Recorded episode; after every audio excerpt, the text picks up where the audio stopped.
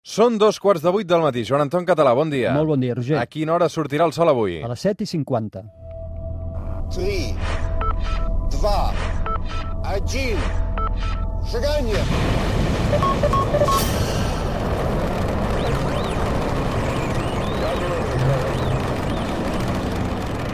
One small step for man, one giant leap for mankind. Som al suplement, som a Catalunya Ràdio, això que sona és La Terra es plana, el Joan Anton Català, astronomia, física, ciència, a l'hora que surt el sol, cada diumenge amb el Joan Anton Català. Com va la vida? Molt bé, Roger, molt Com bé. ho tenim, això? També molt bé, molt Escolta'm, avui veig que tornem a fer allò del joc de pistes, perquè no tinc ni guió i no sé de què anirem, però o sigui que estic a les teves mans. És que ho faig perquè sé que a més t'agrada.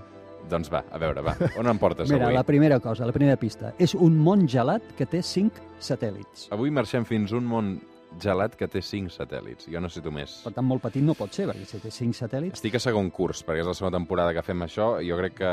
Molt bé. A veure, Mira, la més segona, pistes. la segona pista. Des, des que es va descobrir, fa quasi, quasi 90 anys, aquest objecte encara no ha aconseguit donar un tom sencer al Sol. O sigui, 90 anys encara no ha donat una òrbita sencera al voltant del Sol. Puc fer preguntes? Oh, i tant. És un planeta? Sí, és un planeta. O no, és un planeta. Ah, no està clar que sigui un planeta? No, Molt bé, no. crec que ja sé per on anem. Ja saps. Llavors ens queda una pista que és alguns cops està més lluny que Neptú i els altres estan més a prop. Eh? Juga amb nosaltres i algunes vegades està més a prop que Neptú i el, les altres més a prop. Mm. Crec que es va corroborant uh, La la, meva teoria. Comença per P? Sí, comença, Comença per P. Va, última pista? I l'última pista, amb ell li és absolutament igual el que pensem. Avui amb el Joan Anton Català coneixem Plutó.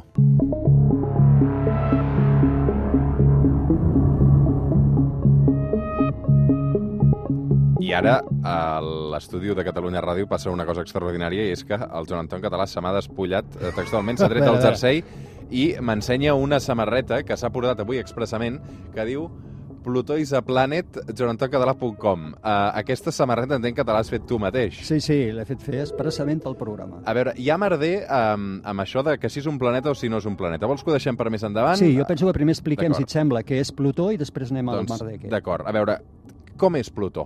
Què és Plutó? Molt bé, mira, de moment és uh, un objecte esfèric, relativament gran, ara parlem de, de, de la mida que té, que orbita una regió exterior del sistema solar que anomenem cinturó de Kuiper.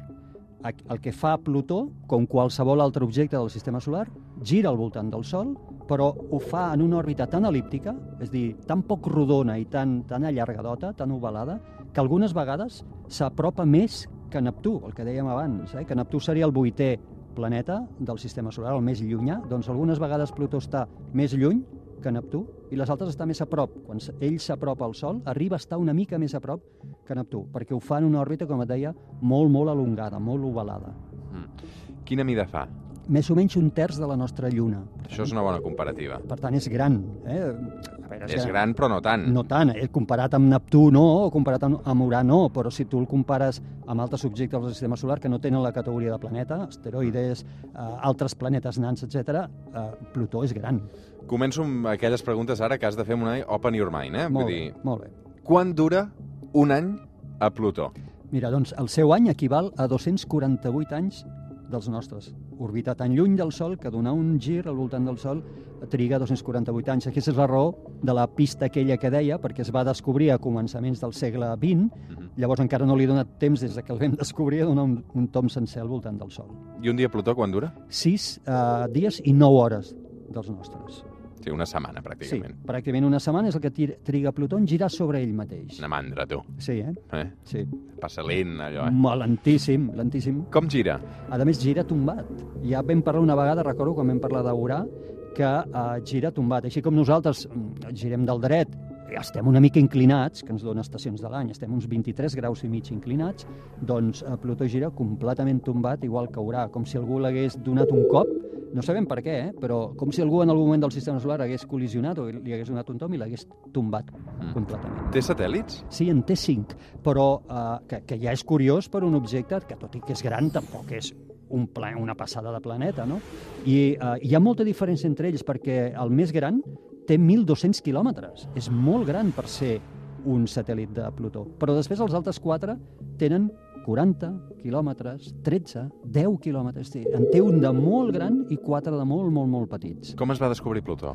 Mira, a l'any, a finals del segle, del segle, eh, no, a meitat del segle XIX, en 1840, un astrònom eh, francès, que es deia Le Verrier, a partir d'unes eh, pertorbacions que tenia l'òrbita d'Urà, que llavors només es coneixia fins a Urà, va a descobrir Neptú. És dir, Neptú es descobreix perquè s'observen unes pertorbacions a l'òptic a l'òrbita d'Urà que fan pensar que hi ha d'haver un vuitè planeta. I llavors, Le Verrier eh, descobreix eh, Neptú. Això va fer com una febre i llavors va haver astrònoms que van dir ah, jo també en vull descobrir un de planeta. Llavors van creure descobrir pertorbacions a Neptú. I llavors aquí va venir la teoria de que hi havia d'haver un altre planeta més enllà. I molts astrònoms es posen a buscar aquest novè hipotètic novè eh, planeta. Mm. De fet, hi va haver un altre astrònom que es va obsessionar amb Sí. Plutó, no? Percival Lowell va ser un Com? multimili... Com ho hem dit, això? Percival Lowell Percival Lowell. Sí, va ser un multimilionari americà, mecenes, a més, un tio que va posar molta pasta, Mm. no només amb això, sinó amb Mart. Quan hem parlat de Mart, ell era un dels convençuts de que Mart estava habitada per civilitzacions i ell creia en els canals de Mart.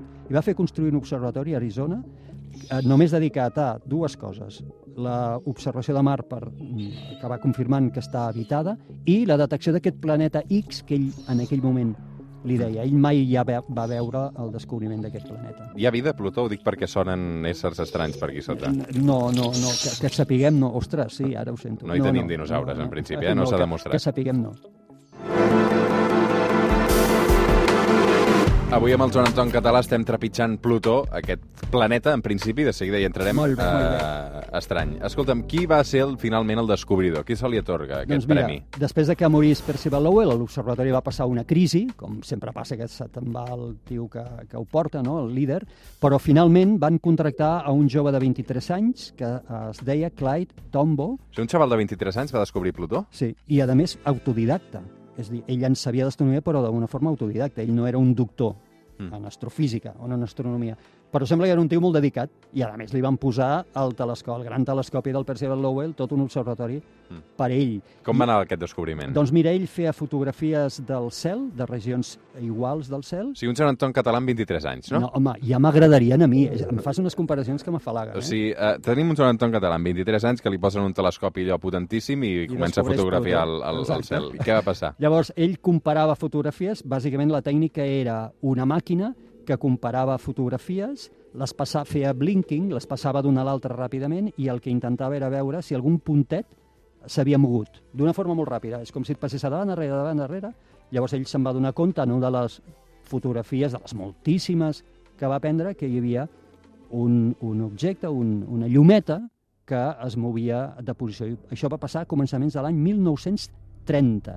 La cosa curiosa, Roger, és que després es va saber que les pertorbacions de Neptú que van fer sospitar que existís Plutó eren falses, no eren degudes, no eren ni aquestes pertorbacions ni les que es pensaven, i que, per tant, el descobriment de Plutó va ser casual, va ser absolutament casual. D'on ve el nom? Mira, el nom va haver també una batalla pel nom, va haver moltes propostes del nom i el, el mateix descobridor va, va donar pressa que es posés ràpidament un nom. No? Llavors eh, va haver moltes, molts suggeriments i una, una noia, una nena, un estudiant d'Oxford, de UK, d'Anglaterra, de 11 anys, que es deia Benisha Barney, va fer la proposta del nom, que és Plutó, que és el déu eh, grec dels inferns. I a més els hi va encantar perquè Plutó comença per PL, Percival Lowell, és dir, que eren les inicials del gran fundador de l'observatori on s'havia descobert Plutó. I ara sí entrem en matèria perquè fa uns anys va esclatar la polèmica. 2006, Pluto got downgraded from a planet to a dwarf planet. I'm here to tell you, as the NASA administrator, I believe Pluto is a planet. Aquest que sentim és Jim Bridenstine, l'actual administrador de la NASA, que deia fa un mes que ell creu que Plutó sí que és un planeta. D'on surt aquesta polèmica, Joan Anton? Doncs mira, eh, ja ho teníem això fet, teníem nou planetes al sistema solar i si els vam estudiar, jo quan anava a l'escola ho estudiava així, Jo també, eh? Bueno, i t'haig de dir que les escoles americanes, moltes d'elles, encara ho estudien així, perquè és l'únic planeta descobert per un americà, llavors ells, Mm. per tema d'orgull nacional, Encara que no sigui un planeta, el Exacte, col·loquen ell allà, eh? segueix, I segurament que l'administrador de la NASA, el que acabem d'escoltar, les declaracions, és també per això, no pas perquè ell vulgui defensar Plutó. Eh? Bueno, això ja no ho sé. Mira, la qüestió és que a partir de l'any 1992, és dir, fa molt poquet, els astrònoms comencen a detectar objectes similars de mida, més petits, però similars a Plutó en aquest cinturó de Kuiper, aquesta gran regió externa del sistema solar. Actualment portem més de 2.000 objectes descoberts en aquesta gran regió del sistema solar. I la cosa ja esclata quan a l'any 2005 es descobreix un objecte que s'anomena Eris, que té la mida idèntica, pràcticament idèntica a Plutó en, aquesta, en aquest llindar del sistema solar. Clar, llavors una mica és dir, ara què hem de fer? Modificarem els llibres de text? Farem aprendre quants noms? 10, 15, 20, 1.000? On posem el llindar entre el que és un planeta i el que no ho, és, no ho és? I aquí comença la polèmica, d'intentar definir i posar-li regles a la natura. I és veritat dir que la natura és igual. O sigui, l'home no sap viure amb el caos. Nosaltres, fixa't, sempre estem creant famílies, grups, eh, no sé, estem ordenant la natura. La natura no és ordenable. La natura no és una cosa que sigui quadriculada i ordenable. Però nosaltres ho hem intentat fer. En el, en el desig de dir, va, anem a definir què és un planeta i què no. Mm, O sigui que a partir de l'any 2006 es va fer oficial no, que Plutó ja no era un planeta, sinó que era un planeta nan. Eh, sí, s'inventen això i llavors defineixen, la Unió Astronòmica Internacional defineix les tres regles que tu has de complir si vols ser, Ser un planeta. un planeta. La primera és molt fàcil, has d'orbitar al voltant del Sol. Si no, no ets un planeta. A lo millor seràs un satèl·lit, com la Lluna, però ja no seràs un planeta. Segona, has de ser rodó. I aquesta, aquesta condició que sembla res, que sembla, i per què, no? Doncs perquè ser rodó ja implica que tens una massa determinada. A la que ets gran, suficient com perquè la teva gravetat funcioni molt, tu et fas rodó. Per tant, ser rodó vol dir que ets gran. Molt bé, aquesta no hi ha problema. La tercera és la que porta la polèmica, que és hi has d'haver netejat la teva regió, la teva òrbita, òrbita propera d'altres objectes. És dir, has de ser el rei de la teva òrbita. Què té al voltant? Eh, clar, i Plutó té altres objectes, com hem vist, però clar, què vol dir que els té al costat? La, aquest cinturó de Kuiper és una regió immensa. Què, què vol dir al costat? Quants quilòmetres són al costat? Clar, això no, no s'especifica, és com...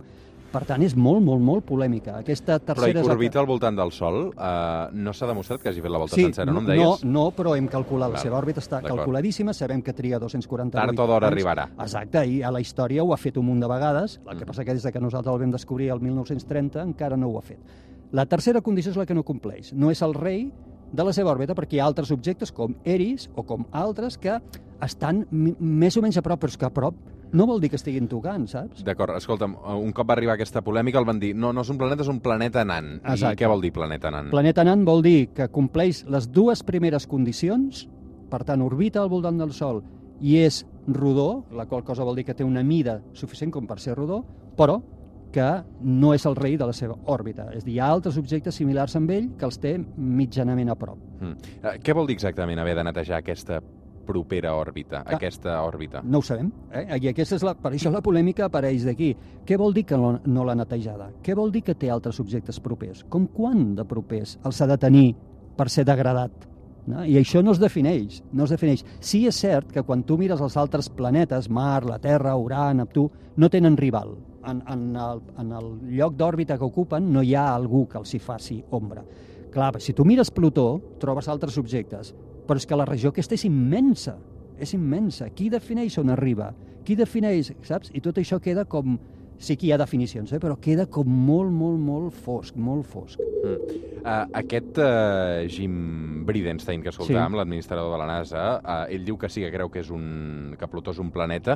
Hi ha, hi ha quòrum, això, entre el món científic? No, no. De fet, eh, durant uns anys en què es va degradar, eh, des del 2006, torna a haver-hi la polèmica, en aquest moment torna a estar encesa, i hi ha grups de científics que reclamen tornar-lo a admetre com a planeta, no pas per temes de definicions, sinó també per temes històrics. De En canvi, tu avui te m'has plantat aquí amb una samarreta que diu Plutó a planet. Clar, jo també ho defenso, perquè van passar molts anys, des del 1930 a final del segle XX, van passar moltíssims anys abans no es descobrissin altres objectes. I a més té una, una raó per mi sentimental i històrica. Va ser el primer de la categoria, el primer objecte que es descobria en el cinturó de Kuiper. I com et deia, a la natura li importa un pepino. Plutó està a la mar de tranquil allà orbitant. Ell li és igual que nosaltres pensem, saps? Al final és la nostra classificació, Clar, que és absolutament arbitrària. no? Mm. Escolta'm, uh, quina relació hi ha entre Plutó i el New Horizons, que n'hem parlat alguna vegada? Doncs mira, la, la, la NASA hi va enviar el New Horizons, que, que va ser una, una missió que va enviar i va arribar allà el 2015, després de 9 anys de viatge. Recordem que és el New Horizons, sisplau, Sí, perquè... New Horizons. Doncs va arribar al, al juliol del 2015, després de 9 anys de viatjar cap a Plutó. i va ser la primera vegada, per tant, que passàvem a prop. No ens va posar en òrbita i va passar a prop, tan a prop com 12.500 quilòmetres, que això és tocant-lo, pràcticament. I va veure un lloc fascinant, que no ens l'esperàvem, per això que l'hem d'admetre una altra vegada com a planeta. És com si ell, Plutó, hagués dit, "Ara- ara veureu, ara veureu. I ens va ensenyar una geologia absolutament sorprenent, sorprenent. Superfícies de nitrogen glaçat, perquè allà fa molt de fred, el nitrogen està glaçat, muntanyes de gel d'aigua de més de 3.500 metres d'alçada, planures immenses de nitrogen mig líquid, mig sòlid, amb icebergs de gel d'aigua que hi suren, bueno, una passada, és una passada. Qui pugui veure fotografies, i jo a la meva samarreta m'he posat una de les fotografies que va enviar aquesta sonda. És són, xulo, eh? Són espectaculars. Clar, no ens ho imaginàvem, pensàvem en un objecte tan llunyà Mhm. doncs que serà no, amb, avorrit en aquelles superfícies com la Lluna, no, matxacades per cràters, res, res a veure Té color, no? té color i té, i té geologia.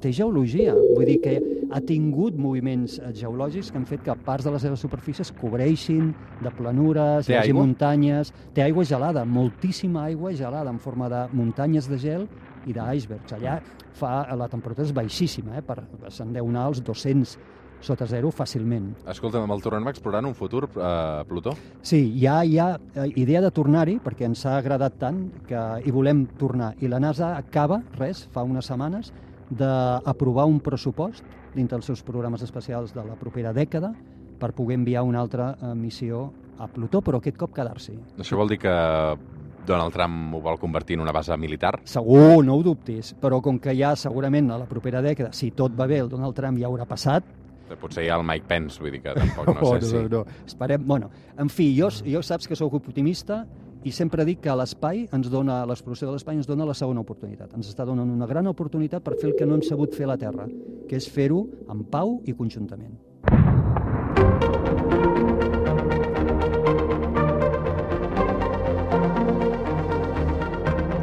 Recte final de la Terra Esplana, sempre acabem matxacant la vista cap al cel. Què hi passarà aquesta setmana, Joan Anton Català? Doncs eh, dimarts tenim lluna nova, recordo la setmana passada que dèiem dimarts tindrem lluna minvant, doncs aquest dimarts proper tenim lluna nova, perfecte per mirar el cel fosc des d'un lloc que no hi hagi llums de ciutat, veurem constel·lacions, veurem el gran cavall de Pegàs, que és la constel·lació que si aixequem el cap a dalt tenim en vertical, i qui tingui un cel molt, molt, molt fosc podrà veure, a prop de Pegàs, una petita llumeta que és la galàxia, la gran galàxia d'Andròmeda, una ciutat amb un bilió d'estrelles, que és l'objecte més llunyà que, pot veure, eh, que podem veure a ull nu des d'un lloc absolutament fosc. La llum que rebrem aquest dimarts, o aquesta setmana, que ho miri, va sortir d'allà fa dos milions i mig d'anys. Quants telescopis tens tu a casa? Uh, espera que els conti. En tinc quatre, Uh -huh. eh, però no tots al mateix lloc, ni tots de la mateixa forma, ni tots serveixen per fer el mateix. Per què serveix? El, el que més t'estimes? En tens un de preferit? Sí, en tinc un de preferit, que és el més, eh, el més barat.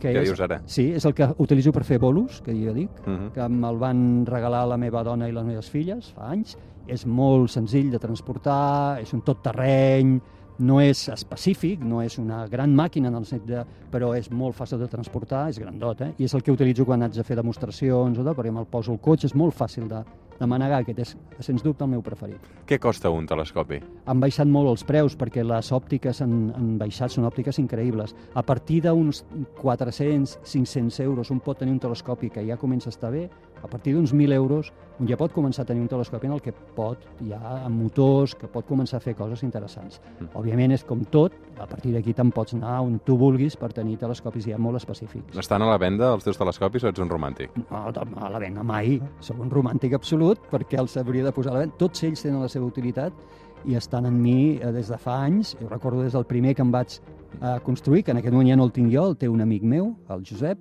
eh, mai em despendria d'ells. Crec que la teva dona n'està una mica farta. He posat a la venda un dels teus telescopis No a Wallapop. no em diguis. L'acabo de trobar. Compra'm-els. Mira, sisplau. baratet, 300 euros. Uh, Joan Anton Català, una abraçada ben forta. Igualment. Fem una pausa i de seguida tornem al suplement.